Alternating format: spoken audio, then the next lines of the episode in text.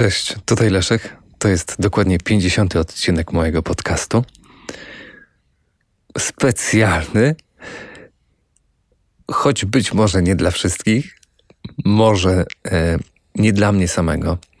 Tytułem wstępu chciałem Wam powiedzieć, że przez ostatnie pół roku e, opisywałem swoją genezę e, w sporcie, jak i również e, tą zawodową robiłem to w sposób taki trochę nieśmiały, nie zawsze też, nie każdego dnia uważałem, że to, co piszę, w ogóle ma sens, albo że jak kiedykolwiek to opublikuję i szczerze, czy kogokolwiek będzie to w ogóle interesowało, czy to będzie ciekawe, czy być może zbytnio się uzewnętrzniam. To, co dzisiaj publikuję, publikuję w formie słuchowiska. Kiedyś um, zajmowałem się tym profesjonalnie. Produkowałem słuchowiska jako producent, e, reżyser dźwięku. Długo nie używałem tej formy, ale mam nadzieję, że, że Wam się spodoba. Wkrótce również na bazie tego audio powstanie film na YouTubie, który doda do tego teatru wyobraźni to, co być może dla niektórych będzie bardzo ważne, a może dla niektórych też troszeczkę zburzy te wyobrażenia, których możecie teraz doświadczyć po zamknięciu oczu, e, słuchając tego, co miałem okazję pisać jak kura pazurem. Być może znasz mnie jako Leszek Prawie Pro, jednak tak naprawdę nazywam się Leszek Śledziński. Choć urodziłem się w 1987 roku, a w chwili tworzenia tego tekstu mam dopiero 34 lata, dużo doświadczyłem. Klęski osobiste, dramaty, sukcesy, awanse, zwolnienia, myśli samobójcze, euforia, uśmiech, płacz, chorobliwa otyłość i balansowanie na granicy niedowagi.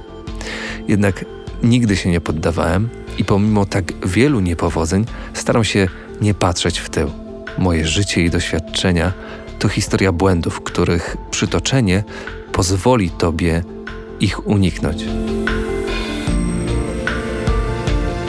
W rzeczywistości nie jestem ani Leszek Prawie Pro, ani Leszek Śledziński. W dokumentach moje imię to Lech. Przez pomyłkę albo na skutek wpływu Lecha Wałęsy. Rodzice i babcia wciąż się spierali, czy to tata mnie źle zarejestrował, czy urzędnik pomylił Leszka z Lechem. To dwa różne imiona. Dlatego na przykład mając zarezerwowany lot na imię Leszek, nie wsiadłbym do samolotu. I jest to sprawdzona informacja. Miałem być Leszkiem na cześć nieżyjącego brata mojej mamy, który zmarł mając zaledwie pół roku. Z tego też względu zawsze wszyscy w rodzinie mówili mi Leszek. Dopiero w pierwszej klasie podstawówki zarówno moi rodzice, jak i ja sam przekonałem się, że formalnie jednak mam na imię Lech. Lech. Obecny jest? Lech. Dobra, nieobecny. Dzieciństwo w latach 90. Dzieciństwo to najważniejszy okres każdego z nas. W tym czasie kształtuje się charakter, wrażliwość, wartości, pewność siebie, empatia oraz wzorce. Ja dorastałem w latach transformacji, w dobie wysokiego bezrobocia, ogólnej biedy, przy towarzyszącej wszystkim niepewności. Moje szkolne otoczenie było papierkiem lakmusowym trudności społecznych i patologii. Nasiąkałem złym wpływem i stawałem się taki sam jak reszta. Naprawdę byłem trudnym dzieckiem, zrobiłem mnóstwo głupot, po to tylko, aby czuć się akceptowanym w tym środowisku.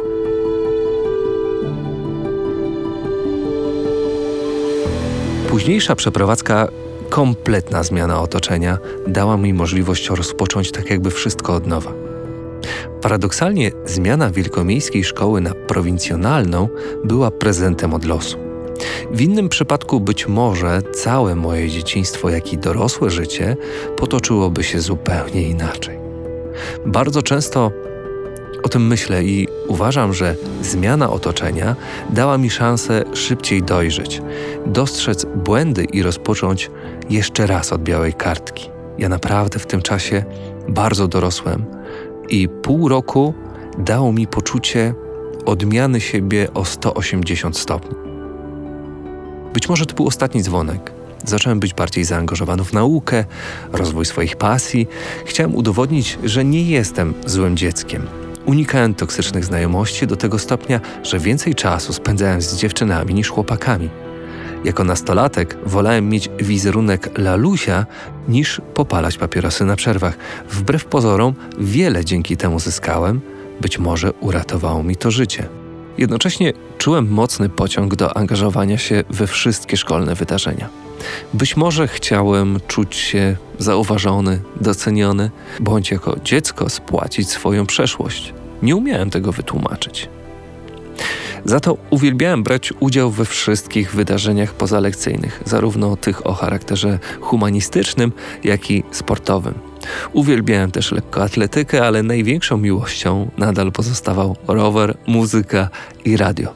W ramach zajęć dodatkowych jako dzieciak pisałem scenariusze przedstawień, pantomimy i między innymi za sprawą jednej z nich pierwszy raz otarłem się o lokalną rozgłośnię.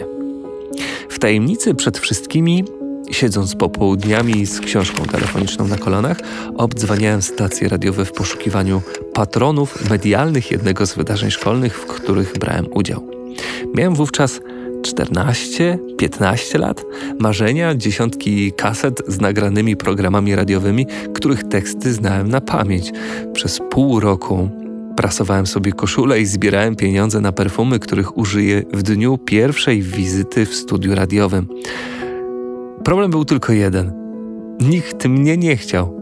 Byłem w końcu dzieckiem, z czego tak naprawdę nie zdawałem sobie już sprawy.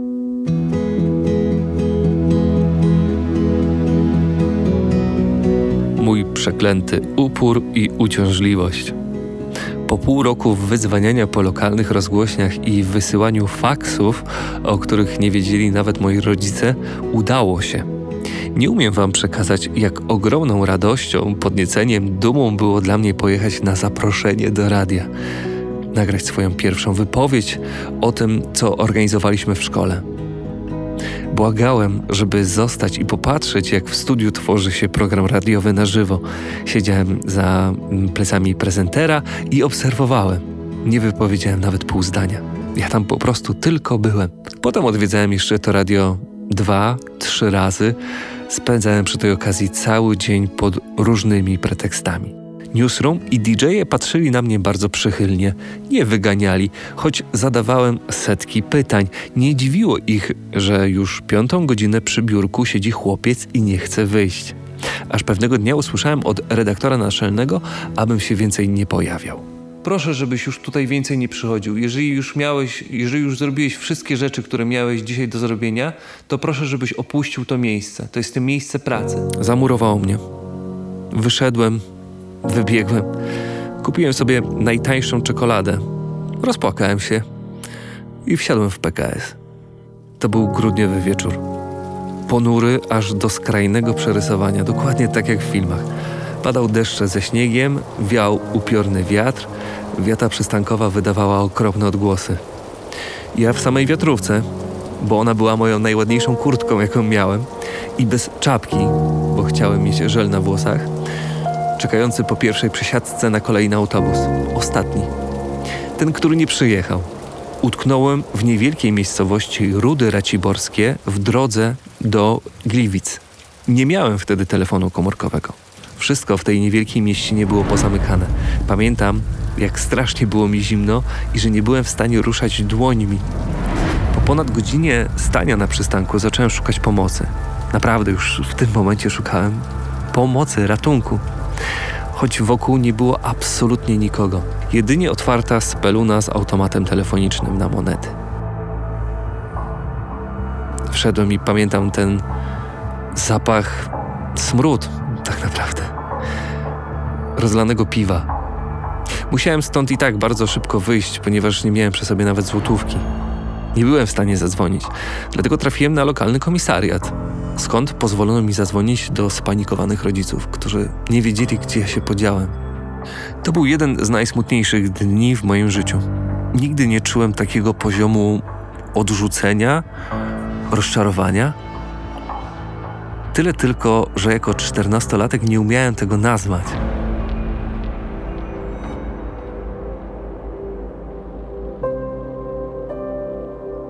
Jednak to zmotywowało mnie do podejmowania dalszych prób. Musiało oczywiście minąć kilka dni. Być może w roli praktykanta, stażysty ktoś chciałby mnie przyjąć, ktokolwiek. W drugiej klasie gimnazjum udało mi się cudem i zbiegiem okoliczności poznać dyrektora programowego jednej ze stacji w Gliwicach. Szukali realizatora anteny. To w skrócie osoba, która odpowiada za wypuszczanie poszczególnych elementów na antenie piosenek, jingli, reklam, podkładu wiadomości.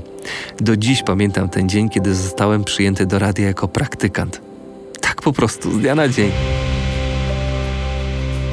To była dla mnie jedna z najbardziej fascynujących przygód, która trwała w tym miejscu niespełna rok.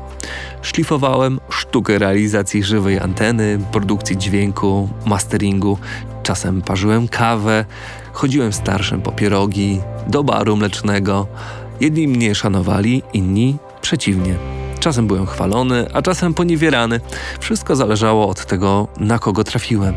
Jedni byli źli, próbowali pokazać swoją wyższość, mnie poniżając, inni przeciwnie. Mówili: podejdź, sprawdź, zobacz jak to działa, zrealizuj mnie, wykrzacz całą antenę, tylko po to, żebyś się nauczył.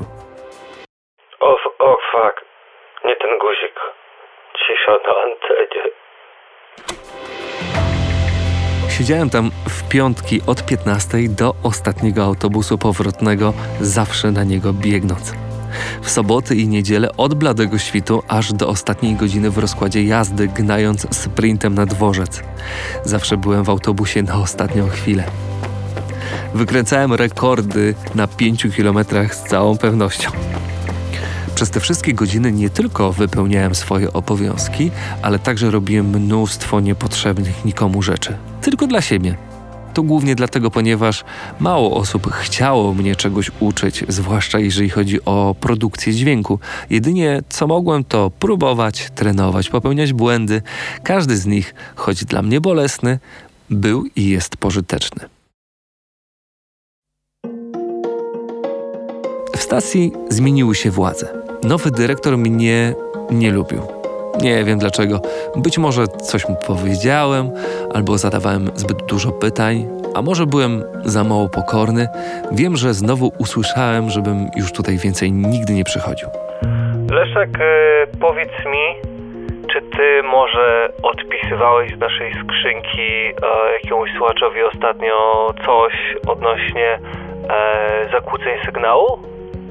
A czy ktoś cię upoważnił do tego? W związku z tym mam do ciebie e, krótką informację. Proszę, żebyś już więcej e, nie przychodził.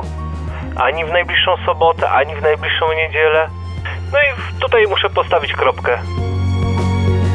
Jeśli kilka akapitów temu napisałem, że największe życiowe rozczarowanie przeżyłem w Raciborzu, to chciałem to odwołać. W Gliwicach. Przeżywałem to, że nikt mi nie powiedział słowa dziękuję. Odkryłem, że moje zaangażowanie było chorobliwe, a ta praca mnie uzależniła. Do dziś uważam, że to nie było fair, tylko dlatego, bo nie usłyszałem tego jednego słowa. Czułem się strasznie niedoceniony, choć dla tej stacji zrobiłem wiele. Niemniej po latach myślę, że balans pozostał zachowany. Ja dzięki tej stacji mogłem się wiele nauczyć, zwłaszcza u progu cyfryzacji emisji czy też produkcji dźwięku. Po utarciu kolejnych łez byłem maksymalnie zdeterminowany do szukania nowego miejsca. Znajomy znajomego od strony brata stryjecznego znał dyrektora programowego stacji w Katowicach. Ten powiedział mi, żebym y, kiedyś przyszedł i po prostu na chama wbił się na rozmowę. Mam powiedzieć, że umiem trochę realizować antenę i nieco produkować dźwięk, więc wziąłem wolne w szkole, nic nie powiedziałem rodzicom i jako piętnastolatek pojechałem do Katowic. Ubrałem się w same najlepsze rzeczy. Znów wyperfumowałem jak Lewandowski, by przez trzy godziny czekać na recepcji. od niechcenia i tak dla świętego spokoju zostałem przyjęty.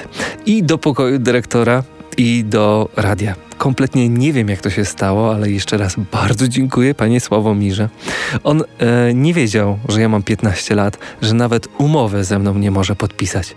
W tej stacji nie byłem weekendowym producentem, byłem prowadzącym swój program, który powstawał w pocie czoła i tak naprawdę ze łzami w oczach.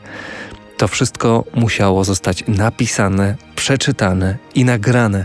Nie miałem żadnych podstaw. Zamykałem się w studiu pod wodzą dyrektora, a ten mnie ganił za każde jedno krzywo wypowiedziane zdanie, za każdą jedną sylabę. Tak tydzień w tydzień przez dobry rok. Dwie kartki A4 maszynopisu nagrywaliśmy przez ponad godzinę. To była najlepsza szkoła, jaką przeszedłem w swoim życiu aż nie chce się wierzyć, że ludziom nie brakowało cierpliwości do mnie, zwłaszcza panu dyrektorowi, który naprawdę musiał tam się wspinać na wyżyny swojej wyrozumiałości i cierpliwości. Potem było nieco łatwiej. Nabywałem doświadczenia. Bardzo szybko się rozwijałem, byłem z siebie zadowolony, czasem dumny. Cały tydzień czekałem na piątkowe nagrania, sobotni montaż oraz późniejszą realizację programu za konsoletą radiową. Po dwóch latach jednak postanowiłem pójść dalej. Pamiętacie tę stację radiową, która była zaraz na samym początku? Ta, z której mnie wyrzucono, ponieważ dzieci nie mogą przebywać na terenie miejsca pracy? A uwierzycie, że po około czterech latach dostałem od jej szefa, tego samego, który mnie wyrzucił, propozycję przejścia i prowadzenia sobotniego oraz niedzielnego programu na żywo. Długo się wahałem, bo stacja w Katowicach e, naprawdę była wspaniałym miejscem, ale zgodziłem się. To były też pierwsze realnie zarabiane przeze mnie pieniądze, które nie są jedynie zwrotem za bilet miesięczny. To było 900 zł, chociaż teraz przypomniało mi się, że wcześniej zdarzało mi się w Katowicach otrzymać kopertę z prywatnej kieszeni prezesa z podpisem na wakacje wraz z poklepaniem mnie po ramieniu. To była zresztą naprawdę E, cudowna chwila, którą pamiętam do dziś, że ktoś mnie docenił i zorganizował dla mnie swoje prywatne pieniądze wyciągnięte z prywatnej kieszeni po to, żeby mi dofinansować wakacje. Coś niesamowitego. Jednak wracając do Boża, spędziłem tam rok w stacji radiowej, która była moim, moim numerem jeden albo numerem dwa, zaraz po RMF-ie, tam dalej uczyłem się pracy z żywą anteną. Łapałem kolejne doświadczenia, popełniałem mnóstwo błędów, utrwalałem perfekcjonizm, o którym jeszcze nie wiedziałem. Pewnego wiosennego dnia zauważyłem w szkole nieodebrane połączenie z kierunkowego 12. To nie były czasy, kiedy na komórki wydzwaniali telemarketerzy z ofertą instalacji fotowoltaicznej zapraszające na prezentację pościeli czy też garnków. Połączenie przychodzące zdarzało się bardzo rzadko, zwłaszcza u mnie. Natychmiast na przerwie oddzwoniłem za ostatnie 4,50 na karcie tak, tak. W słuchawce? Leszek, mamy twoje CV, e, szukamy zapalonego realizatora. Kiedy możemy się spotkać? Tak się składa, proszę pana, że za dwa tygodnie zaczynam maturę. Mm, odpowiedziałem zgodnie z prawdą. To przyjedź jeszcze przed maturą. Do widzenia, daj znać kiedy będziesz. Dwa dni później byłem na miejscu. Kraków. Leszek, lat 19. Sam. Spotkanie w największej stacji radiowej w Polsce. Kilka prób, rozmów. Wracam bez konkretów do Gliwic. Za tydzień kolejny telefon. Leszek, jak matura? Jak się czujesz? Jak idzie? Idzie mi dobrze. Odpowiedziałem. Kiedy kończysz egzaminy? Proszę pana, za tydzień będę już po maturze. Okej. Damy ci pensję i mieszkanie na początek. Czy zaraz po maturze dasz radę zacząć pracę? Przeprowadzisz się? Tutaj nastąpiła naprawdę bardzo długa cisza z mojej strony. Ja po prostu w to nie wierzyłem. Po tej rozmowie doświadczyłem euforii. Ciężko mi było uwierzyć w to, co się stało. W kilka dni pozamykałem absolutnie wszystkie sprawy. Wyprowadziłem się z domu, zwolniłem z poprzedniej pracy, w której zresztą szef nie uwierzył w to, gdzie idę, naprawdę nie uwierzył. Zdałem maturę i fizycznie przeprowadziłem się do Krakowa. Kończąc egzamin ustny z angielskiego, w domu czekały już na mnie spakowane walizki. Nawet nie poczekałem na wyniki. Zakończyłem tym sposobem edukację następnego dnia, rozpoczynając pełnoetatową pracę, będąc jeszcze tak naprawdę dzieckiem. Zderzyłem się z backendem po drodze, tracąc litry potu. Moje dłonie na konsolecie znaczyły teren, pozostawiając plamy soli. Od pierwszego dnia przekonałem się, że nie mogę liczyć na żadną taryfę ulgową. O dziwo, nikt też nie daje mi poczucia bycia wybitnym w jakikolwiek sposób. Raczej byłem przyzwyczajony do tego, że ludzie byli pełni podziwu dla mnie, wiedząc ile mam lat. Ale nagle okazało się, że tutaj nie do końca. Trafiłem do enklawy budowanej przez ludzi, którzy znają się od 20 lat. Do tego nie znałem terminu pokora. Próbowałem udowodnić, że jestem częścią tego zespołu. Niestety, im bardziej zależało mi na poczuciu akceptacji, tym częściej skutek był dokładnie odwrotny. Popełniałem błędy wynikające z wpadania w panikę, braku doświadczenia. Moje wpadki czasem śnią mi się po nocy. Uruchamiam jakiś dźwięk, którego nie umiem zdjąć z anteny, próbuję się łączyć z reporterem, który zniknął. Często były to wtopy tak wysokiego kalibru, że interweniował sam prezes. Niekiedy miałem gorszy dzień i ledwo byłem w stanie dokończyć swój dyżur. Tak jak pilot, który wykonuje już trzecie nieudane podejście do lądowania. Jednak ja nie mam zmiennika drugiego pilota. Stres był ogromny. Wstając rano do pracy, wypalałem w łazience dwa papierosy, a całe moje ciało drżało z lęku. Tak było przez pół roku. Niemal dzień w dzień. Ja się po prostu bałem w pewnym momencie iść do pracy, bo nie wiedziałem, co się wydarzy. To jest stacja numer jeden w Polsce z najlepszymi newsami, które ja trzymam w swoich wychudzonych i mokrych dłoniach. Mam 19 lat i ja nie byłem na to gotowy. Byłem pośmiewiskiem, byłem nieakceptowany, samotny. To straszne, tym bardziej jeśli jesteś tak młody, że nie umiesz tego nazwać, tych emocji, tego bólu. Stopniowo jednak było lepiej. Udawało mi się zbudować nieco zaufania wobec siebie. Takim przełomem okazała się wpadka kolegi, który zaspał na poranną zmianę. Zostałem na stanowisku absolutnie bez słowa, czekając na przekazanie anteny komukolwiek, kto przyjdzie. Nikt z szefostwa o tym nie wiedział. Do tej pracy nie można się spóźniać, a każda taka sytuacja to konkretne konsekwencje. Przez przypadek uratowałem komuś tyłek, za co spotkała mnie nagroda, zaproszenie na imprezę i przełamanie relacji z innymi. Okej. I nikt tutaj nie zaglądał i o nic nie pytał. I ty nic nie powiedziałeś i nie powiesz, tak? Dobra. Dziękuję ci za to. Obiecuję ci, że się, że się odwdzięczę. Kilka miesięcy później przedłużono mi umowę. Było nieźle. Rozwijałem się, nie popełniałem już tylu błędów, udawało mi się wychodzić obronną ręką z tarapatów. Pracę z żywą anteną porównałbym do kontroli lotów. Oczywiście tutaj nie odpowiadam za życie, jednak poziom stresu, koncentracji, trudności jest bardzo zbliżony. Jednocześnie odpowiadasz za absolutnie wszystko i wszystkich na antenie. To była najtrudniejsza praca mojego życia. Przez niespełna rok uczyniła ona ze mnie innego człowieka. Zawodowo, osobiście oraz fizycznie. W tym czasie bardzo schudłem, ważyłem 68 kg i doszedłem do 30 papierosów dziennie. Każdego dnia, nawet jeśli było wolne, czułem się zestresowany. Znów zadzwonił telefon. Tym razem kierunkowy 58. Cześć, czy ty jesteś Leszek? Kiedyś dawałeś mi swoje CV yy, i właśnie wiesz co, szukam kogoś na poranny program, może przyjedziesz? Yy, dzień dobry, ale ja mam, mam pracę. CV to wysłałem tak z 3 lata temu, to to już nie jest aktualne. No ale Leszek, no nigdy nie zaszkodzi pogadać. Przemyśl, czy nie chcesz może nad morze zmienić klimat trochę. Tu się żyje spokojnie, to jest taka praca, wiesz, 4 godziny dziennie. Dobrze, dobrze, p- pomyślę. Zakończyłem rozmowę. Nie wziąłem tego na serio. Tak naprawdę zignorowałem ten telefon. Był zbyt uprzejmy, by był prawdziwy. Jednak po tygodniu znów zadzwonił ten sam głos i przestałem podejrzewać, że ktoś mnie wkręca. Cześć Leszek, myślałeś nad moją propozycją?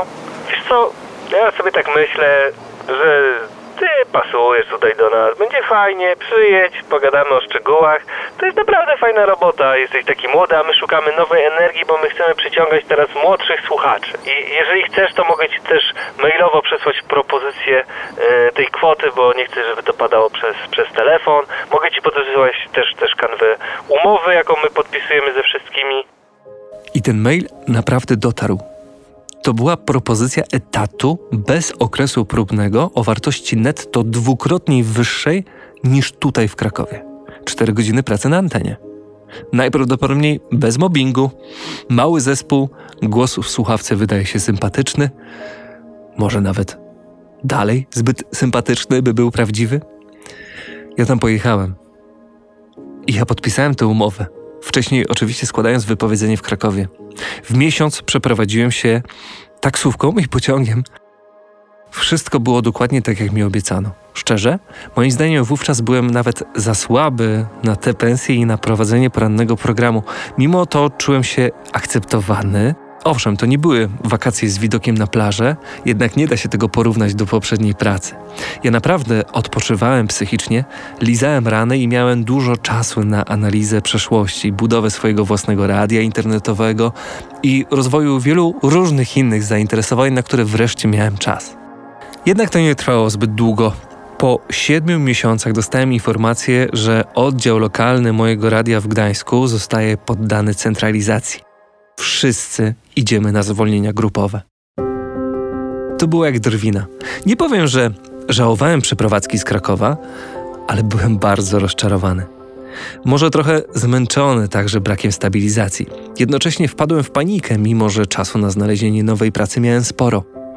Informacja pojawiła się na długo jeszcze przed oficjalnym wypowiedzeniem, a to dodatkowo wiązało się jeszcze z półroczną odprawą, pomimo tak krótkiego stażu pracy. Do Krakowa nie wrócę, mam uraz, który będę długo leczyć.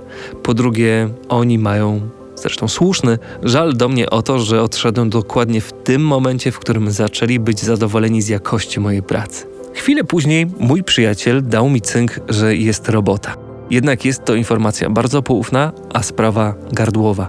Cynk przyszedł w poniedziałek, następnego dnia byłem już w nocnym z Gdańska do Katowic. Musiałem to zrobić tak, aby o 10 rano już być na miejscu. Kuszetka, przedział z rezerwistami, czas podróży 13 godzin. Na miejscu dowiedziałem się że jest bardzo mało czasu, naprawdę mało. Pilnie mam się decydować. Kasa lepsza niż w Trójmieście, zgadzają się na wszystkie moje warunki, bardzo im odpowiada moja kandydatura, bo znamy się jeszcze z czasów, kiedy byłem nastolatkiem.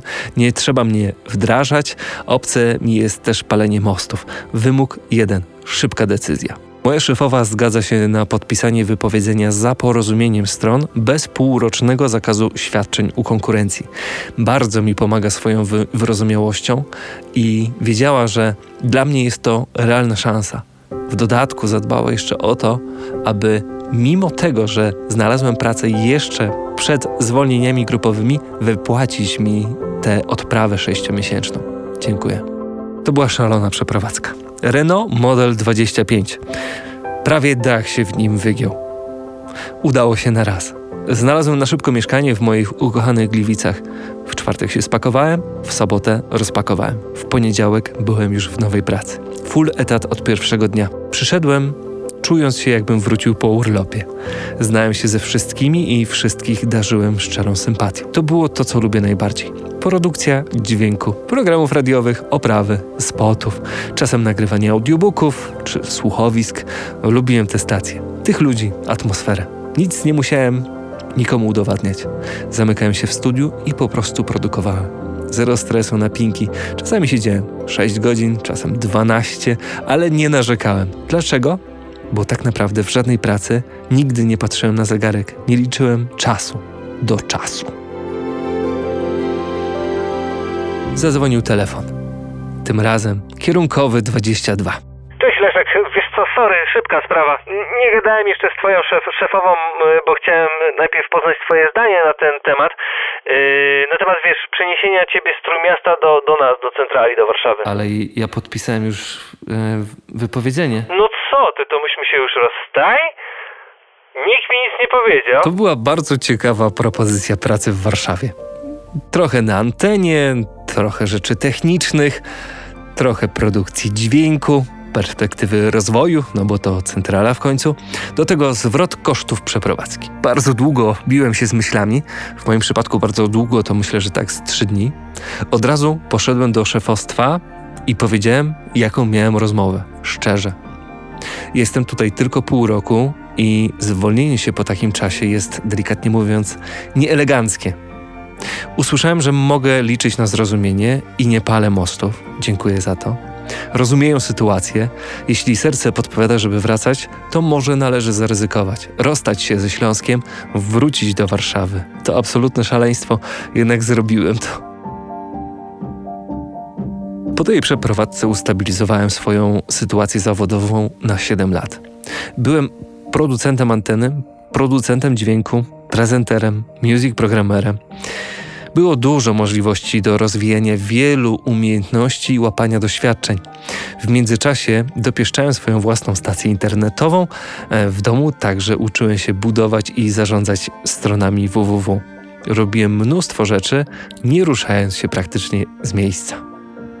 Początek końca mnie w wersji 1.0. Wiosna 2008 nie była zbyt szczęśliwa.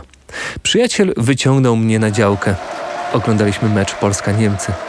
W przerwie tego widowiska kopaliśmy piłkę, tyle że nieco większych rozmiarów. Przeznaczoną chyba raczej dla dzieci. Trawa była mokra, ja wyskoczyłem przyjmując jedno podanie, upadając uderzyłem w glebę zewnętrzną częścią lewej stopy, wykręcając ją o 90 stopni.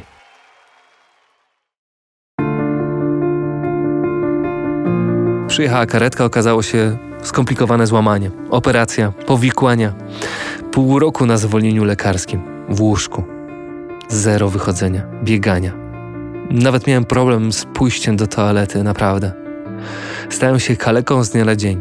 Mnóstwo fizycznego bólu, jak się okazało z pozoru niewinne złamanie, złamało mi życie. Podupadła moja psychika. To był początek trudnego etapu w moim życiu kiedy nie domagało moje ciało, ale coś jeszcze. To było nie do opisania. Odczuwałem, że tracę panowanie nad sobą. Zawodzi komunikacja pomiędzy głową, sercem a fizyką. Pomimo braku pełnej sprawności, notorycznego poruszania się o kulach, chodziłem po lekarzach. Zaczynając od internisty, kardiologa i neurologa, w końcu zacząłem trafiać do nich przymusowo. Jednak wróciłem do pracy. Nigdy nie zapomnę tego dnia. Upalny, letni poranek. O tych kulach zmierzam na casting do nowo powstałej telewizji internetowej marki Plus GSM. 8.50. Wnętrze przygubowego Ikarusa. Poczułem raptowne uderzenie gorąca. Moje nogi się ugięły. Serce waliło z niespotykaną siłą. Ja się duszę. Odliczam przystanki i minuty, w końcu uciekam z autobusu, bo zaczyna brakować tlenu. W środku nie ma powietrza. Roztrzęsiony staram się przejść na drugą stronę Alei Prymasa Tysiąclecia w Warszawie. Upadam na kładce dzielącej obie jezdnie. N nie jestem w stanie nawet wykręcić 112. Świat wiruje. Tracę kontrolę nad ciałem. Jeśli tak wygląda śmierć w wieku 21 lat, to jest to straszniejsze niż mogłem kiedykolwiek przypuszczać. Najgorsze jest to, że wokół jest mnóstwo ludzi, jednak jestem zupełnie sam. Nikt się mną nie zainteresował. Pewnie ćpun ma fazę. Jednak ja się topię. Tonę na ulicy, dusząc się i tracąc władzę nad wszystkimi kończynami. Nad moim sercem, głową, wzrokiem. To trwało pół godziny. Najgorsze pół godziny w moim życiu. Po tym czasie nagle wszystko minęło, jak gdyby nigdy nic. O tym, czego doświadczyłem, świadczy tylko moje ubranie. Jest totalnie przemoczone. Ale dotarłem na ten casting. Na miejscu poprosiłem o szklankę wody i wygrałem ten casting. Jednakże tego dnia tylko ja wiedziałem, ile mnie to kosztowało. Dotarcie i wystąpienie. Jak gdyby nigdy nic. Jeszcze tego samego dnia wieczorem trafiłem do lekarza celem wykonania wszystkich badań pod kątem przebytego wylewu albo zawału serca. Jednak wszystkie podejrzenia były nietrafione. Wyniki wzorcowe, adekwatne do młodego wieku. To mnie uspokoiło i pozwoliło zaangażować się w rozwój swojej drogi zawodowej. Skoro nic mi nie jest, to po co drążyć dalej ten temat? Droga na dno. Po kilku miesiącach tajemnicze utraty kontroli znów zaczęły dawać o sobie znaki. Pojawiały się raz w tygodniu. Niemal za każdym razem lądowałem u lekarza lub w szpitalu. Później dwa razy tygodniowo. Po czasie występowały każdego dnia. Czasem dwa razy dziennie. W drodze do radia albo na nagranie przed kamerą walczyłem o przetrwanie. Jeździłem taksówkami w pobliżu szpitali, aby w razie najgorszego jak najszybciej mieć dostęp do pomocy medycznej. To niesamowite, ale przez ten czas żaden lekarz nie był w stanie ustalić, co to jest za choroba. Przez długie miesiące nie potrafiono mnie zdiagnozować. Wszystkie badania wskazywały, że fizycznie jestem okazem zdrowia. Wypalam dwie paczki papierosów, mało jem, mało śpię, ale wszystko jest ok. To niemożliwe. Ja wiem, co czuję. Jestem odrealniony na świat, patrzę jak przez szybę. Codziennie się duszę, mam zawroty głowy i drętwieją mi wszystkie, wszystkie kończyny, a moje serce wariuje. Nie jestem w stanie ustać w kolejce w sklepie. Nie jestem w stanie pójść wyrzucić śmieci bez tego, bez tego uczucia. Jestem kompletnie wyczerpany. Mam 22 lata, a nie mam siły, żeby dłużej żyć i z tym walczyć. Ja się nie chcę już męczyć. Pomoc przyszła przypadkowo. Okazała się nią Wikipedia. Nie wiem, czy uwierzycie, ale przez wiele miesięcy przed snem czytałem Wikipedię, losując różne tematy. Natrafiłem na termin agorafobia. To, co przeczytałem, otworzyło mi oczy. To jest ten trop. Wszystkie puzzle do mnie pasuje. I umówiłem się na wizytę do psychiatry. Ja, ja nie wiem, wie pan co, rzadko mi się zdarzają tacy pacjenci, którzy ponad rok z tym chodzą i, i chodzą. Nie, musimy coś zrobić z tym, żeby po prostu pan, yy, żeby pan mógł w, w, końcu w jakikolwiek sposób normalnie funkcjonować. Pan powinien po pierwsze być na L4 już od dawna, po drugie, pan powinien y, zacząć jeść. Po trzecie, pan powinien zacząć spać. Trochę czasu minie, ale ja, ja, panu, ja panu pomogę.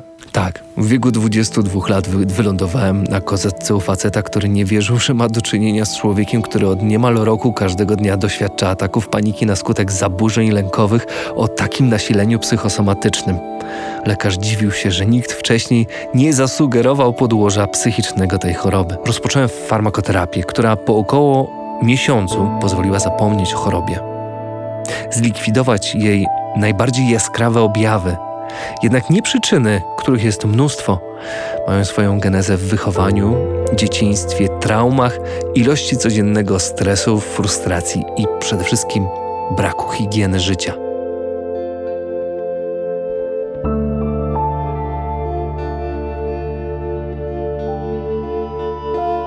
Wersja stabilna 1.5 i otyłość.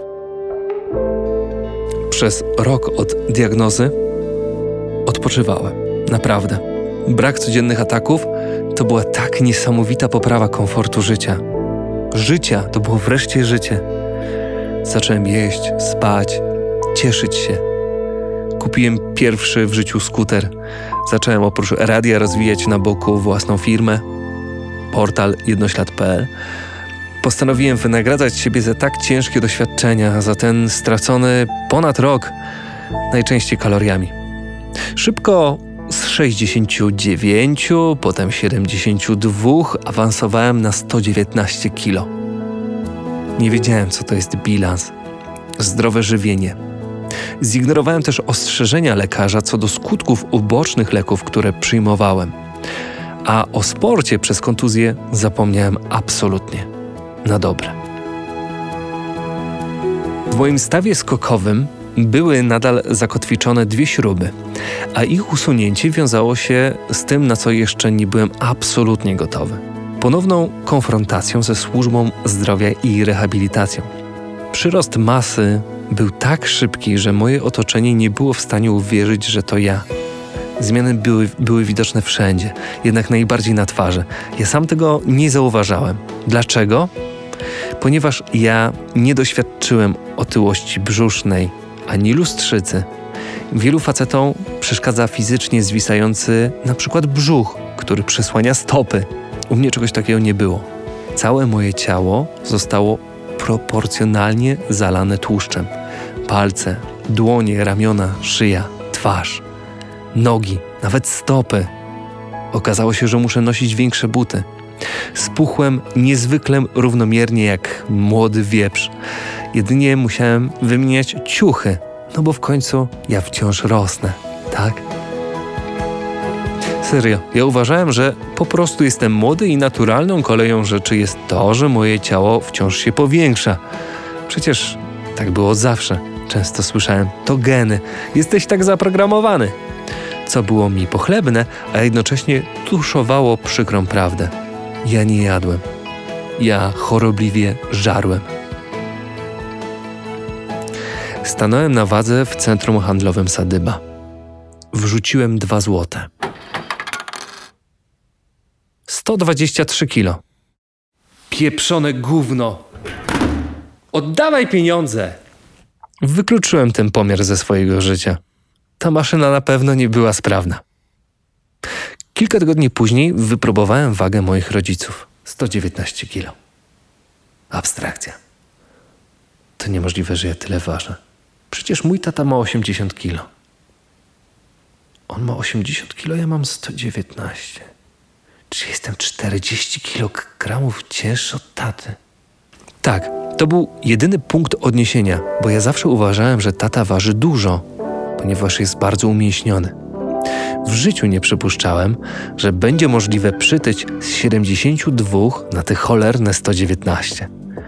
To był szok, ale też brak wiary w urządzenie rodziców, jednak mimo wszystko. Ja nigdy nie miałem swojej własnej wagi i nigdy na bieżąco tego nie kontrolowałem, tak jak teraz.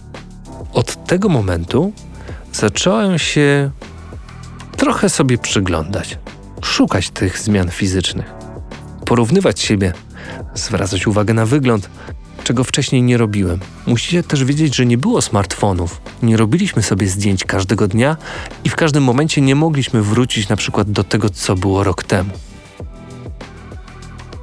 Stąd tak ciężko było dostrzec mi ten proces. Po pewnym czasie zacząłem mieć kompleksy.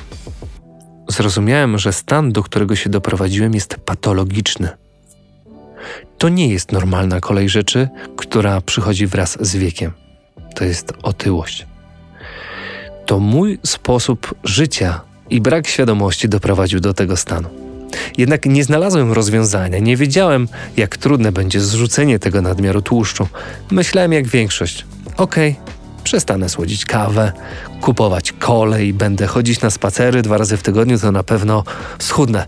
I za 2-3 miesiące będę wyglądać tak samo jak dwa lata temu. Hipochondria i nawrót choroby nerwowej. Mijały miesiące, a mój wygląd, samopoczucie fizyczne nie ulegało poprawie. Do momentu zagoszczenia w moim życiu hipochondrii wraz z silną depresją. Te dwie przenikające się choroby wpływają nieco w tej konfiguracji na ograniczenie apetytu. Stres spowodowany ciągłym bieganiem po lekarzach, podejrzeniami u siebie różnorakich chorób, pozwolił mi w szczycie epizodu zrzucić 5 kg w tydzień. Tak, przez 6 dni absolutnie nic nie jadłem. W sobotę po południu uwierzyłem, że jestem poważnie chory. Wyniki badań otrzymałem w kolejny piątek. Wtedy też przyjąłem pierwszy posiłek. Kolejne 4 kg straciłem na skutek wznowy ataków nerwicy, która tym razem zaatakowała mój układ pokarmowy. Cztery tygodnie biegunki, Konieczna okazała się zmiana leków, abym mógł normalnie pracować bez zespołu lęku uogólnionego, który powodował, że mój mózg przez cały czas funkcjonował na najwyższych obrotach. Nim te zaczęły działać, finalnie wylądowałem na wydziale psychiatrycznym. Wycieńczenie psychiczne zaprowadziło mnie do najsilniejszego w życiu ataku, którego nie mogłem w jakikolwiek sposób zatrzymać.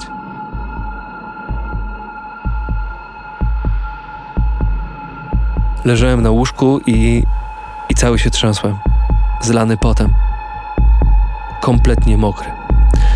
Rozrywało mnie od środka na tętnie maksymalnie. Zero koordynacji mięśniowej, sparaliżowany fizycznie. Tego nie da się opisać słowami. Można to jedynie porównać do stanu, w którym masz wrażenie, że za chwilę całe twoje ciało od środka eksploduje.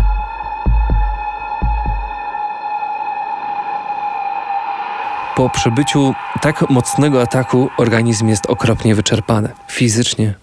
Ma to swoje odbicie też w każdym innym aspekcie. To widać na twarzy, słychać w głosie, pojawia się apatia, która gości przez wiele dni. Jesteś zmęczony, nie chcesz żyć, nic nie sprawia ci radości i nic nie ma sensu. Ma to ogromny wpływ na postrzeganie samego siebie przez pryzmat niedoskonałości. Krążą po głowie różne myśli jesteś w stanie poświęcić naprawdę wiele. Tylko po to, żeby poczuć ulgę. Historia pierwszego karnetu do klubu fitness. Jaki najgorszy prezent można dać osobie otyłej takiej jak ja? A kupić na przykład karnet na siłownię. Grzegorz, wspaniały wieloletni przyjaciel, dał mi taki.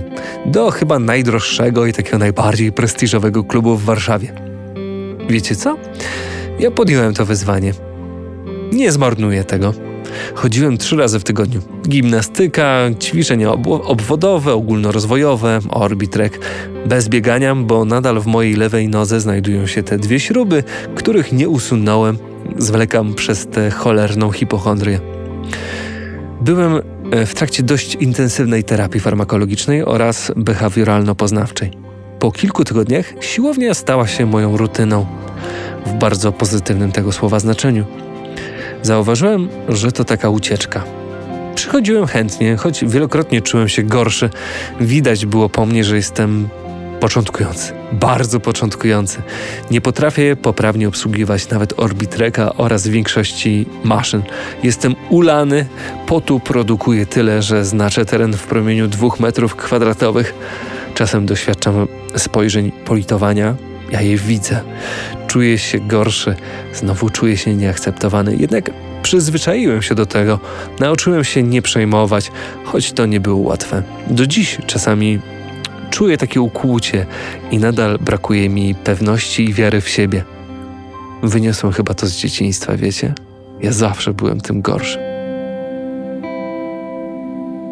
Mijały miesiące. Schudłem 4 kg i zatrzymałem się na 105. Codziennie dawałem sobie wycisk i nie traciłem nic. Tak, bo bez diety, która moim zdaniem stanowi 70% efektu, nie da się osiągnąć sukcesu. Jednak zauważyłem inny pozytywny skutek. Moja psychika trochę wyluzowała. Im więcej sportu, sauny i basenu, tym częściej doświadczam takiego poluzowania łańcucha zapiętego na mojej klatce piersiowej. To strasznie nieprzyjemne, wyczerpujące uczucie codziennego stałego napięcia. Trudno to przekazać słowami. Ta wieczorna siłownia katalizowała te złe emocje. Zawsze wychodziłem niesamowicie wyluzowany, rozluźniony. To nie wynik przypadku wiary placebo. Opracowania naukowe potwierdzają, że 40 minut aktywności aerobowej o wyższej intensywności wspomagają produkcję serotoniny. Lekarz psychiatra zaczął się ze mnie śmiać, że odkryłem to, o czym on mi mówił już kilka lat temu, nawet na pierwszej wizycie. Proszę biegać, pływać, trenować, cokolwiek, niemal każdego dnia. Przy mojej chorobie to bardzo pomaga. Warunki są dwa: intensywnie i regularnie. Ja to najwidoczniej zignorowałem, bo w końcu każdy lekarz mówi, aby się ruszać. Proszę pana, sport to zdrowie. Banał.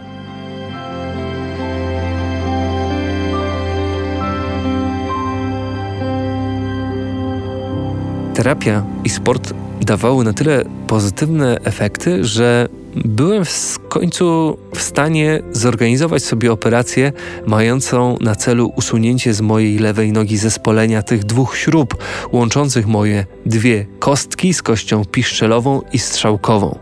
Ta moja noga była tak faktycznie złopana trochę na drut i plastelinę. Miałem ogromny problem z pójściem do lekarza albo do laboratorium. Bałem się, że otrzymam złe wyniki. Czas oczekiwania na raport był dla mnie katorgą. Nawet wtedy, kiedy sprawdzaliśmy tylko krzepliwość mojej krwi przed operacją, to jest wynik obowiązkowy. Rano oddaję krew? Wyniki mają być o 15 online. Zatem do tej godziny jestem wyłączony. Mam biegunkę, pocę się, chce mi się wymiotować na skutek stresu. W końcu udało mi się doczekać do wskazanej godziny. Wydrukowałem wyniki i zostałem pozytywnie zakwalifikowany do operacji pozbycia się żelastwa z mojej kończyny, przez którą nie mogę biegać. Zaciągnąłem kredyt, opłaciłem operację w prywatnej klinice i w ciągu jednego dnia było po wszystkim. No prawie, bo na skutek mojej zwłoki jedna ze śrub okazała się być pęknięta. Te 8 mm nadal jest w moim ciele i pozostanie aż do śmierci. Po tygodniu chodzenia o kuli oraz miesiącu rehabilitacji byłem gotów do rozpoczęcia przygody z bieganiem. To jest etap, od którego liczę swoją przygodę ze sportem tak na serio. Mogłem jeszcze lepiej odreagować codzienny stres związany z moją nadwrażliwością emocjonalną. Jednak jeśli uważacie, że przy tej okazji udało mi się schudnąć, to jesteście w błędzie. Nadal nie wdrożyłem żadnej diety.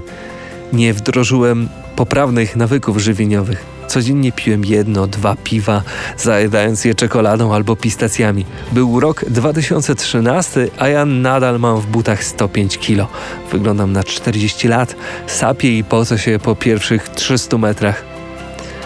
Jednak jestem uparty, jak osioł, e, co czują moje kolana każdego dnia, przemieszczając mnie w tempie biegowym 5 lub 10 kilometrów. Tak budowałem podstawy mojej wydolności, pomimo której trudno było budować progres. Największym hamulcowym była rzecz jasna moja waga.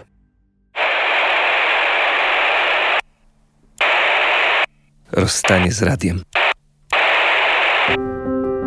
W 2013 roku uzyskałem niesamowite wsparcie od człowieka, e, dzięki któremu zdobyłem pierwszy na tyle duży i stały kontrakt, który pozwolił mi zrezygnować z etatu. Naprawdę dziękuję. Miałem serio dosyć. Po pierwsze, pracę na dwa fronty od 2009, kiedy prócz radia zajmowałem się rozwojem e, swojego portalu. Ten z każdym rokiem gromadził coraz więcej użytkowników, jednak cały czas brakowało mi odwagi, aby pójść na całość.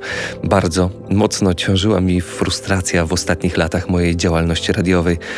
Przestałem się rozwijać, czasami czułem się ograniczany i niedoceniany. Miałem duże doświadczenie, ale co z tego, jak ja nawet jeszcze nie ukończyłem trzydziestki? Kto mnie awansuje w tym wieku? Złożyłem wypowiedzenie, zarejestrowałem działalność, rozwijałem się, zwiększałem portfolio, portfolio klientów, zasięg, uczyłem się kręcić i montować wideo od podstaw. Było to dla mnie mm, o tyle łatwiejsze, że posiadałem już wówczas kilka lat doświadczenia w realizacji dźwięku. Przerzucenie się na filmy dało mi bardzo dużo możliwości. YouTube dopiero raczkował, a nikt z otoczenia konkurencji nie produkował tyle materiałów, co ja. To dało mi przewagę, motywowało do rozwoju, inwestowania w sprzęt. To był fajny etap w moim życiu, nadal jednak miałem dużo nawyków z etatu. Się, że będąc sam sobie sterem i żeglarzem, e, zacznę zbyt mało pracować. Dlatego nie chciałem się spóźniać albo wychodzić zbyt wcześnie. Naprawdę to u mnie powodowało stres. Pracowałem 8-10 godzin, mimo to y, cały czas znajdowałem także chwilę na codzienny basen albo bieganie. Czy stres był mniejszy? Czy to pomogło w leczeniu silnej nerwicy? Nie, musiałem pójść na trzecią terapię, bo zdarzały mi się nawroty hipochondrii albo uogólnionego lęku, co potrafiło trwać czasami miesiącami. Przyczyna była trudna do ustalenia zarówno dla specjalistów, jak i dla mnie samego. Cały czas oczywiście przyjmowałem leki mające na celu wspomóc produkcję serotoniny. Najcięższe były przesilenia te jesienne i wiosenne. Wtedy najtrudniej było walczyć. Tylko ja wiem, ile czasami kosztowało mnie utrzymanie się w rytmie, zakładanie maski uśmiechniętego pana, opowiadającego o motocyklach czy samochodach na moim drugim kanale. Jednak rzucałem się we wszystko, co było tylko możliwe, aby zająć głowę. To niesamowicie mi pomagało oderwać się od y, tych najgorszych myśli. Do tego wciąż nie zdawałem sobie sprawy, że zajadam smutek. Nawet z tego, że ja przy tym wszystkim mam jeszcze depresję. Co to kurde w ogóle jest depresja? Dopiero po latach uświadomiłem sobie, jak silnie jest ona w mojej głowie zakorzeniona, jak skrzętnie schowana przed samym sobą oraz światem, jak wiele ma wspólnego z tym małym Leszkiem, chłopcem z dzieciństwa, którego do dziś we mnie jest mnóstwo. Ono w dużej mierze dominował i dominuje w mojej osobowości oraz sercu. Tak, nawet dzisiaj.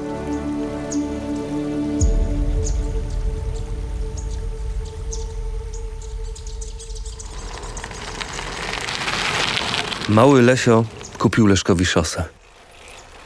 Nie wiem jak to się stało, ale z dnia na dzień postanowiłem wrócić do roweru. Tego z dzieciństwa. Znudziło mi się codzienne pływanie po dwa kilometry i bieganie, które ze względu na nadwagę nie szło mi zbyt dobrze. Myślę, że Odkurzenie tego MTB to był wyraz jakiegoś zrezygnowania. Ten rower dał mi niesamowitego kopa.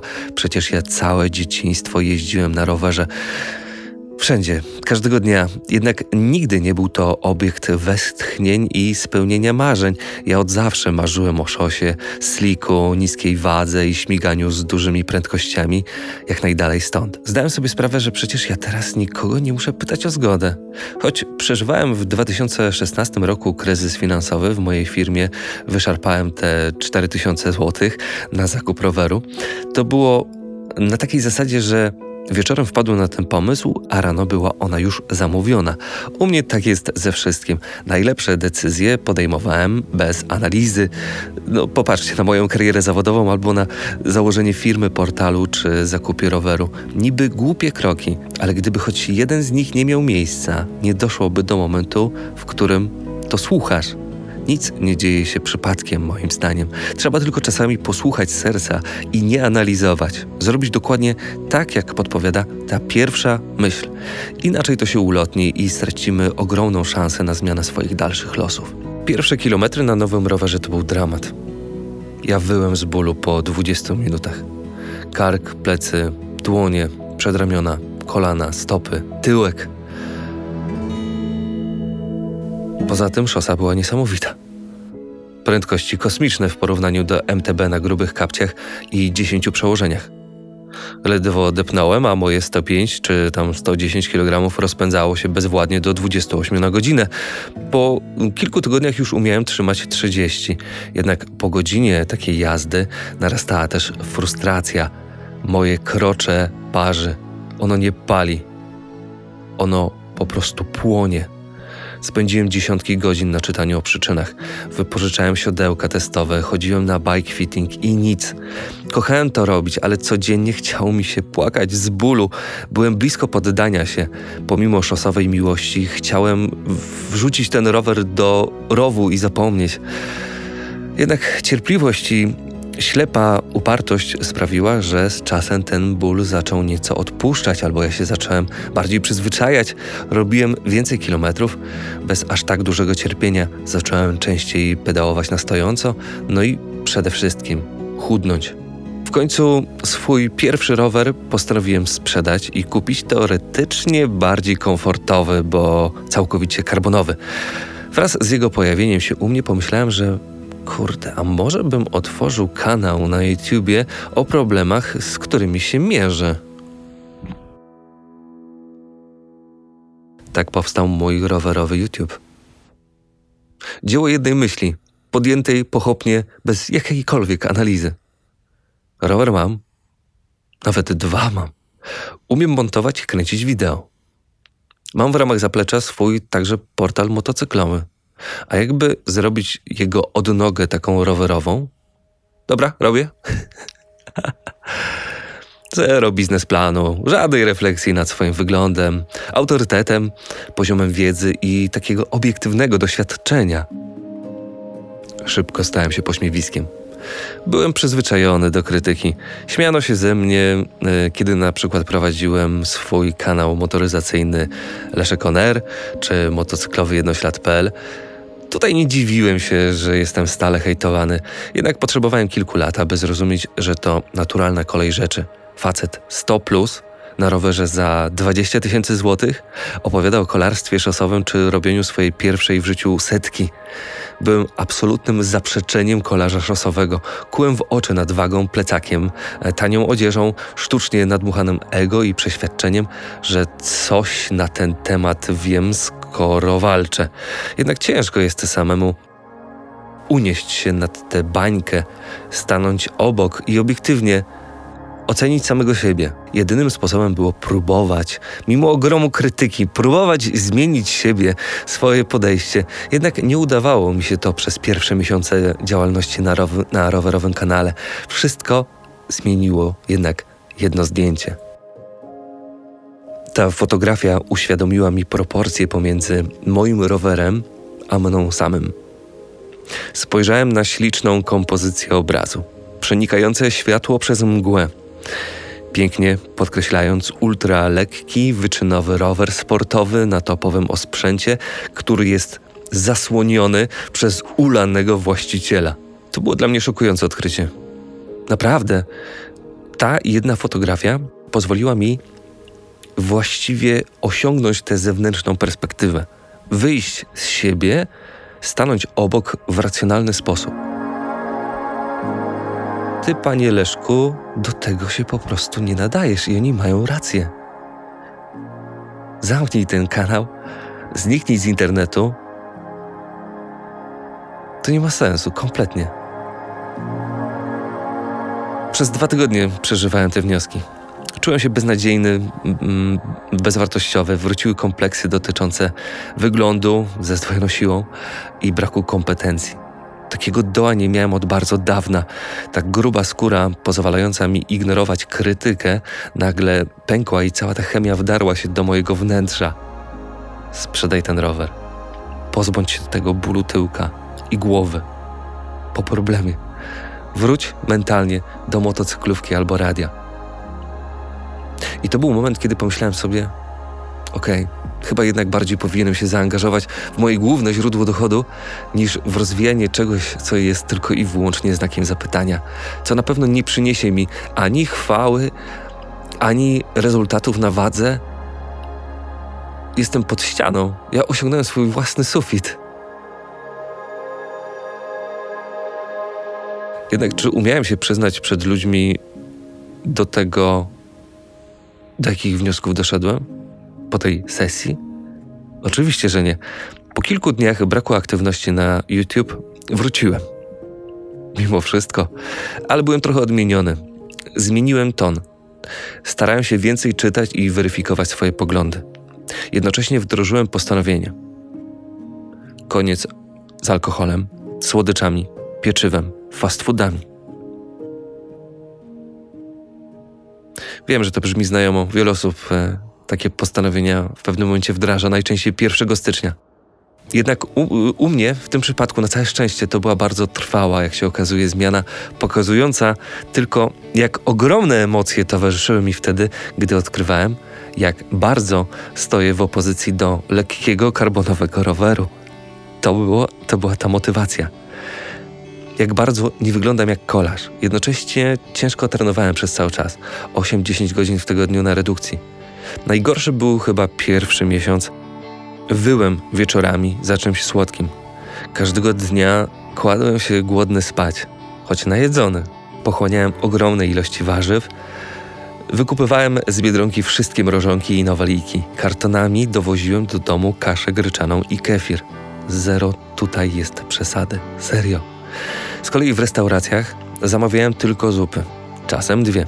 I tak każdy dzień to była zupa z mrożonki, dwa worki kaszy, do tego prawie kilogram warzyw, wieczorem na deser gruszka albo jabłko. Jak ja się cieszyłem na to, że ja dzisiaj zjem jabłko. Litr kefiru. witaminy i spać. Nie liczyłem kalorii. Po prostu przez ponad 8 miesięcy nie miałem w ustach niczego słodkiego albo zawierającego alkohol. Nie wiem, jak to się stało. Nie wiem tak naprawdę, jak dałem radę w tym wytrwać. Pamiętam tylko, że przez pierwsze tygodnie byłem niesamowicie smutny, że po całym dniu nie czeka na mnie nic. Nic słodkiego. Nic, co lubię, że przyjdę do domu i znowu będę jadł tę kaszę z kefirem. Nie będzie żadnej nagrody po ciężkim dniu, ani po treningu. Straszna pustka, ale dająca tak niesamowite rezultaty, że aż samemu ciężko było mi w to uwierzyć. W niespełna 4 miesiące straciłem ponad 15 kg. W kolejne 3 dodatkowe 8 kg. Mój wygląd zmieniał się niesamowicie. Ludzie mnie nie poznawali. Mówili, że został tylko głos, a sam prezentuje się jak swój młodszy brat. Najbardziej widoczne były zmiany na twarzy. Kompletnie zmienił się mój wygląd. Ci, którzy milczeli, podejrzewali groźną chorobę, która zjada mnie od środka. Inni gratulowali. I nie mogli wyjść z podziwu, mówię wam szczerze. Ja sam podziękowałem sobie poprzez wyrzucenie absolutnie całej swojej dotychczasowej odzieży. Nic nie nadawało się do noszenia. Spodnie, koszule, bluzy, kurtki, cała odzież kolarska i sportowa do kontenera dla bezdomnych. Odcinam się od samego siebie z przeszłości. Wydałem naprawdę mnóstwo kasy na zakup kompletnej szafy ubrań. Absolutnie wszystkiego. Tak naprawdę dwóch szaf. Jednej cywilnej, drugiej sportowej. Choć nie miałem zbyt wielu funduszy, to dałem radę przebrać się totalnie, włącznie z butami. One też okazały się za duże. Z 45 awansowałem na 44. Także moje stopy schudły. Nie. Widzowie nie przestali się ze mnie śmiać tak z dnia na dzień, choć coraz większa była grupa osób, które dostrzegały, że przez ostatnie miesiące mnie ubywa.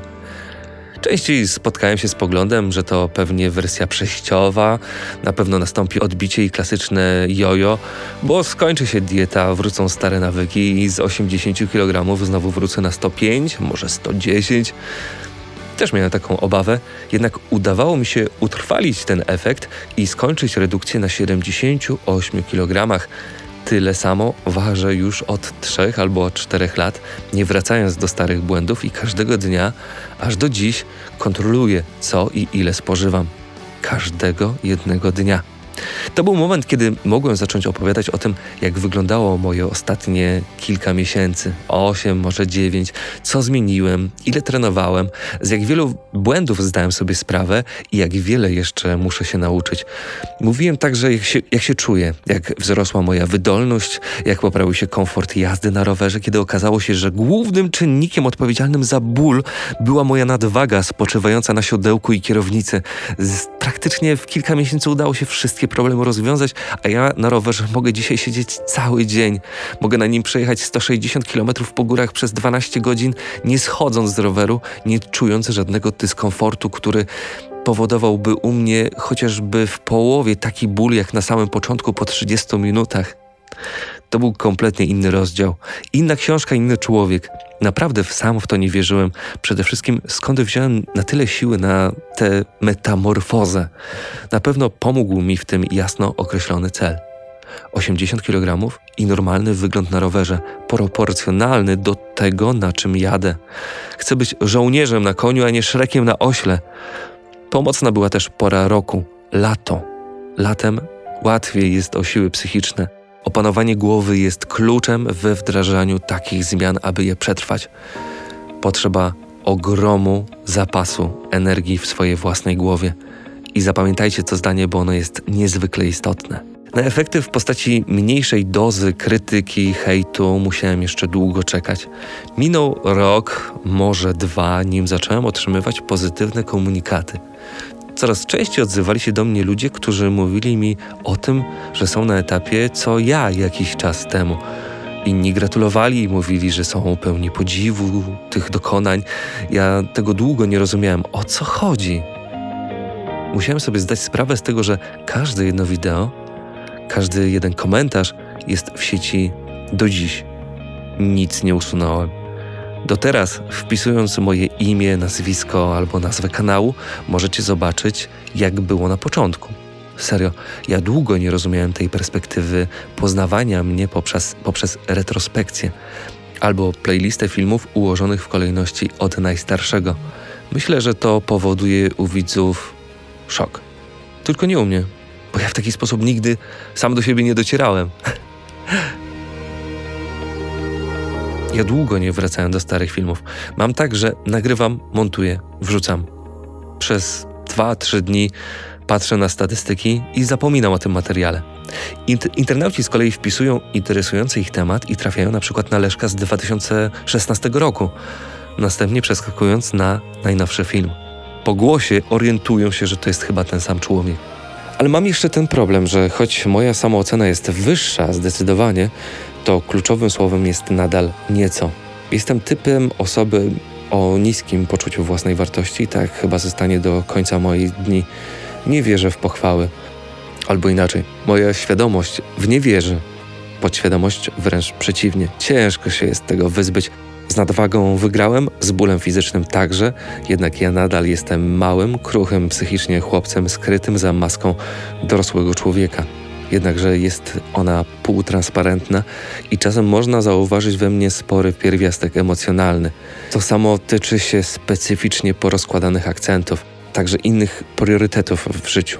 Jedni nazywają to wrażliwością, inni mówią, że jestem gejem, kto inny, że powinienem zmienić płeć. Jak to tak można płakać przed kamerą? Jesteś mężczyzną?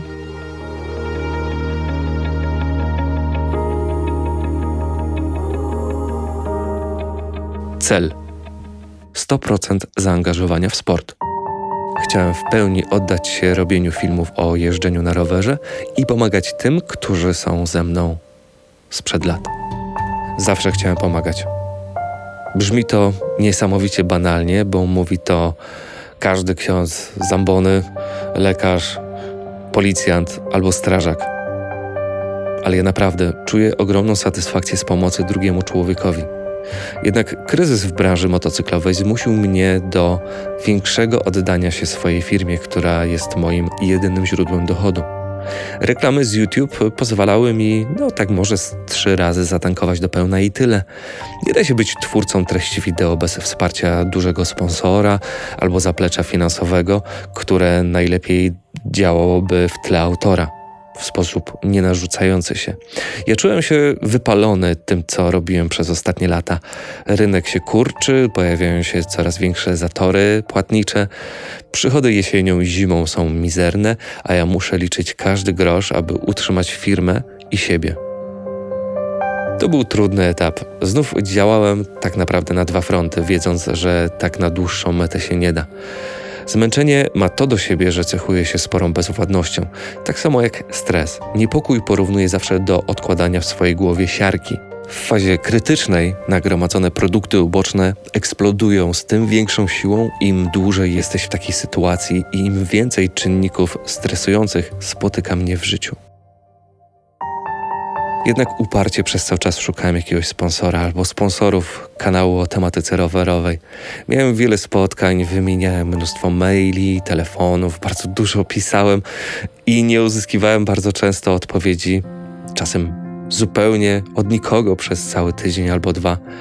Bez rezultatu. Nikt nie chciał ze mną działać, głównie chyba ze względu na słaby PR, mnóstwo negatywnych opinii na temat mojej wiedzy merytorycznej i brak marki osobistej. Wiecie, że to jest przykre? Jednak sam sobie na to zasłużyłem. Po drugie, za szybko chcę zbyt wiele. Ja zresztą taki jestem. Działam raptownie i oczekuję szybkich rezultatów. Kiedy zderzam się ze ścianą, to ból jest podwójny. Tym bardziej, że potrzebowałem na realizację celu sporo pieniędzy. Aby mógł wycofać się z osobistego zaangażowania w swojej firmie motocyklowej, niezbędne są fundusze na tak naprawdę dwa dodatkowe etaty. To nie jest 10 tysięcy rocznie. Nawet 50 tysięcy nie wystarczy. Excel pokazywał abstrakcyjne kwoty stojące pomiędzy marzeniami a stanem bieżącym.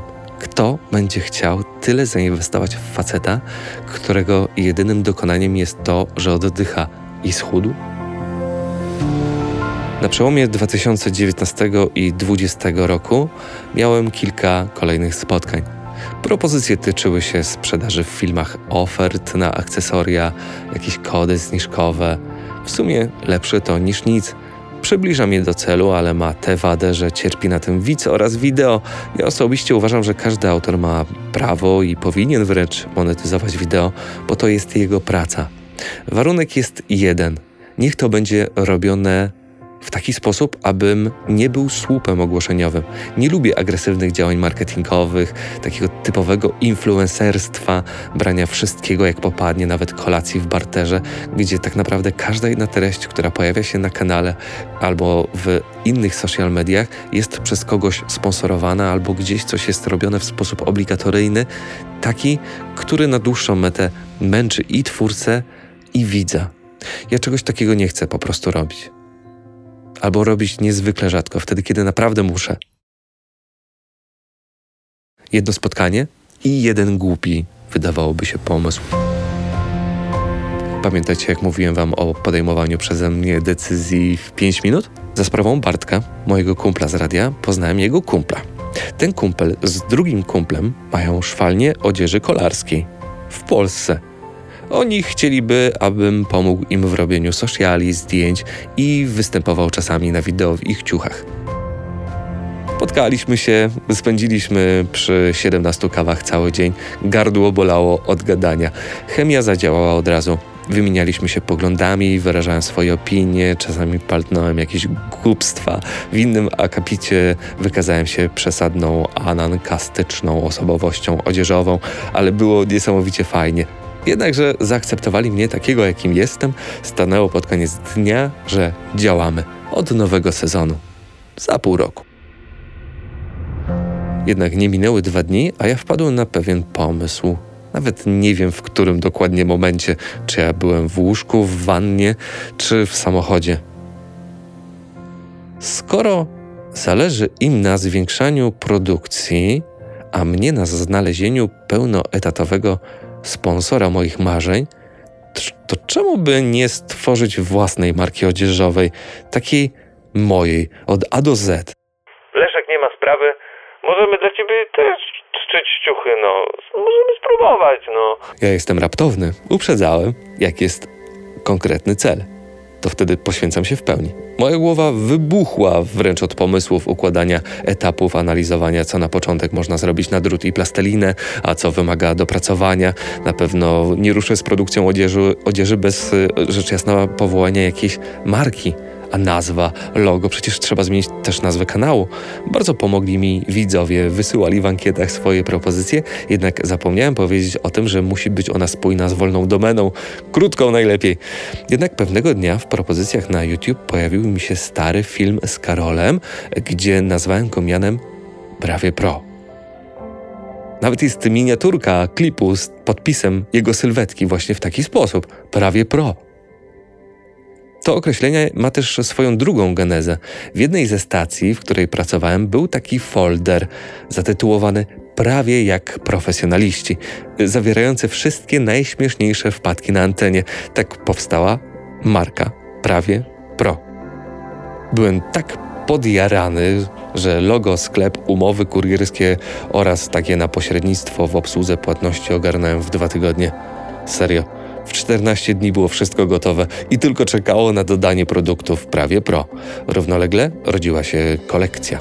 Ultra prosta. Dwa kolory. Mój ulubiony granatowy i biały dla lepszej widoczności. Na lewym rękawku podczas wyprzedzenia samochodem. Dwa modele koszulki, jedne spodenki, skarpetki, komin i i koniec. Nie musiałem się na szczęście martwić o wykonanie, bo naprawdę mm, Martin Bike y, to, co robi, szyje z szacunkiem dla klienta i jego pieniędzy. Mają zajawkę na punkcie jakości i trwałości. Im po prostu zostawiłem całą produkcję, choć brzmi to zbyt górnolotnie. To nie była produkcja, tylko niska seria za ostatnie pieniądze, jakie miałem w środku zimy, kiedy w mojej firmie hula przeciąg wyjąłem 10 tysięcy złotych. I go! Odważnie. W dniu startu wszystko stanęło. Ogłosiłem zmianę nazwy kanału, start sklepu z marką własną odzieży, a chwilę później ogłoszono twardy lockdown. Nie ma lepszego momentu, prawda? Wcisnąłem start, opublikowałem wideo mówiące o zmianie nazwy, a kilka godzin później zamknięto cały kraj. Kto kupi spodenki za 300 zł albo koszulkę za 270, kiedy nie wiadomo, co będzie jutro? Pamiętam, że po prostu siedziałem przy biurku w pracy i się rozpłakałem. Wszystkie pieniądze, wszystkie pieniądze, które mi zostały po tak kiepskim 2019 roku, wrzuciłem w biznes, który właśnie został zjedzony przez epidemię. To jest mój koniec. Żaden z moich dłużników z branży motocyklowej teraz już na pewno mi nie zapłaci. Odpaliłem produkcję odzieży, w której nikt nie będzie jeździć, bo jest absolutny zakaz przemieszczania się. Plotki mówią, że mają zamykać miasta. I zdarzył się cud. Wieczorem jeszcze tego samego dnia nie wierzyłem w to, co widzę. Obrót wyniósł 2000 zł, z czego na czysto okej, zarobię tylko 500. To naprawdę dobrzy ludzie, którzy zrobili to tylko po to, aby mnie wesprzeć. Nie dlatego, aby mieć fajne ciuchy. To jest niesamowite. Drugie dno każdej transakcji to jest zobowiązanie, pewien dług wobec klienta, który jest nim wyłącznie z dobroci serca i chęci pomocy. Tego nie da się porównać do niczego innego. Problemy jednak dopiero się zaczęły.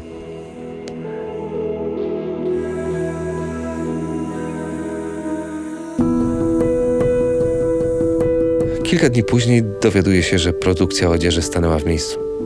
Szwalnia, podobnie jak większość firm, wysłała ludzi na urlopy. Mam sklep, mam klientów, ale co z tego, jak nie dostanę ani pół skarpetki? Nie wiadomo, ile to potrwa, a ja zaraz nie będę miał nawet kasy na zakup swoich mrożonych warzyw i kefiru. Pamiętam, że samochodem nigdy nie jeździłem tak oszczędnie jak wtedy. W ciągu następnych dni dostałem łącznie 9 wypowiedzeń kontraktów od firm współpracujących z moim portalem, tym motocyklowym. Zostały ze mną dwie, obie wyłącznie z dobroci serca.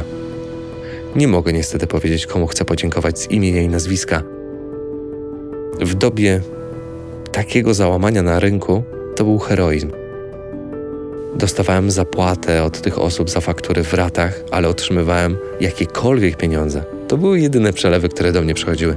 Poza tym nigdy nie doświadczyłem od początku działalności mojej firmy, od, od początku tak naprawdę mojego życia zawodowego, takiego zatoru. Zdaję sobie też sprawę, że mnóstwo ludzi w tym czasie przeżywało dokładnie to samo. Także byli przepełnieni lękiem i niesamowitym stresem. Każdy się bał, czy nie dostanie za chwilę wypowiedzenia w pracy, czy pracodawca nie zbankrutuje. Na szczęście pojawiło się światełko w tunelu. Po tygodniu przyszła wiadomość, że produkcja odzieży dla mnie została wznowiona. Jednak będą opóźnienia i to spore. To dało mi niesamowity impuls do działania. Prawie Pro to jest moja jedyna nadzieja na przetrwanie. Jedynemu mojemu pracownikowi w jednoślad.pl przekazałem wszystkie swoje obowiązki. Z dnia na dzień powiedziałem wprost: Jeśli mamy przeżyć, to ja muszę się wyłączyć z pracy portalu. On odpowiada za 50% sukcesu, bo zapewnił mi spokojną głowę i siłę i czas na przebranżowienie się w ciągu trzech tygodni i zmianę struktury przychodów firmy. Zacząłem tak naprawdę od powiedzenia prawdy widzom. Przekazałem w wideo i postach, że po prostu jestem przyparty do muru. Czy chcielibyście mi pomóc, zamawiając odzież kolarską, której aktualnie nie ma, ale będzie, bo miała być, a jej nie ma, a kończą się pieniądze? Wiecie, że odzew był niesamowity? To był najcudowniejszy akt pomocy, jakiego doświadczyłem w życiu. To zaufanie. Do dziś nie wierzę. To mi dało tak niesamowitego kopa, wiarę w ludzi, w siebie, w sens tworzenia. Życzę tego uczucia każdemu. Modliłem się tylko, abym nikogo nie zawiódł i aby nigdy tego nie zapomnieć, nie utracić pokory względem widzów, nie odkleić się od rzeczywistości. Gdyby nie wy, nie przeżyłbym kwietnia 2020. Zlicytowałby mnie komornik, straciłbym wszystko. Pewnie moja psychika też by tego nie wytrzymała. Byłem jednocześnie tak potwornie zmęczony tą sytuacją i siedzeniem często po 12 godzin w robocie, a jednocześnie szczęśliwy. Jeżdżąc podczas lockdownu, moje opony unosiły się 10 cm nad asfaltem.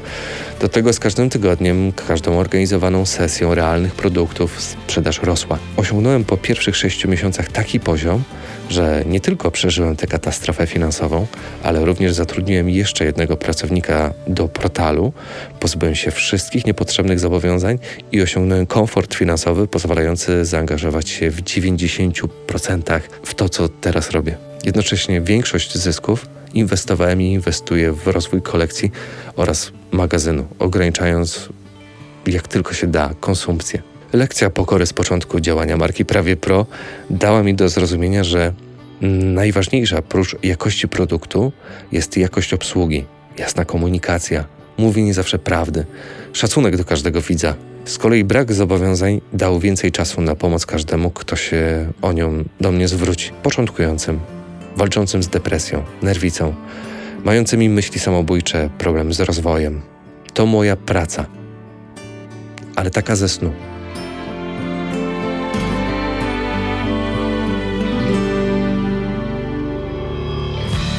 To, jak zmieniło i zmienia się moje życie, jest najlepszym dowodem na to, że zawsze należy uparcie iść do przodu, wbrew wszystkiemu i wszystkim.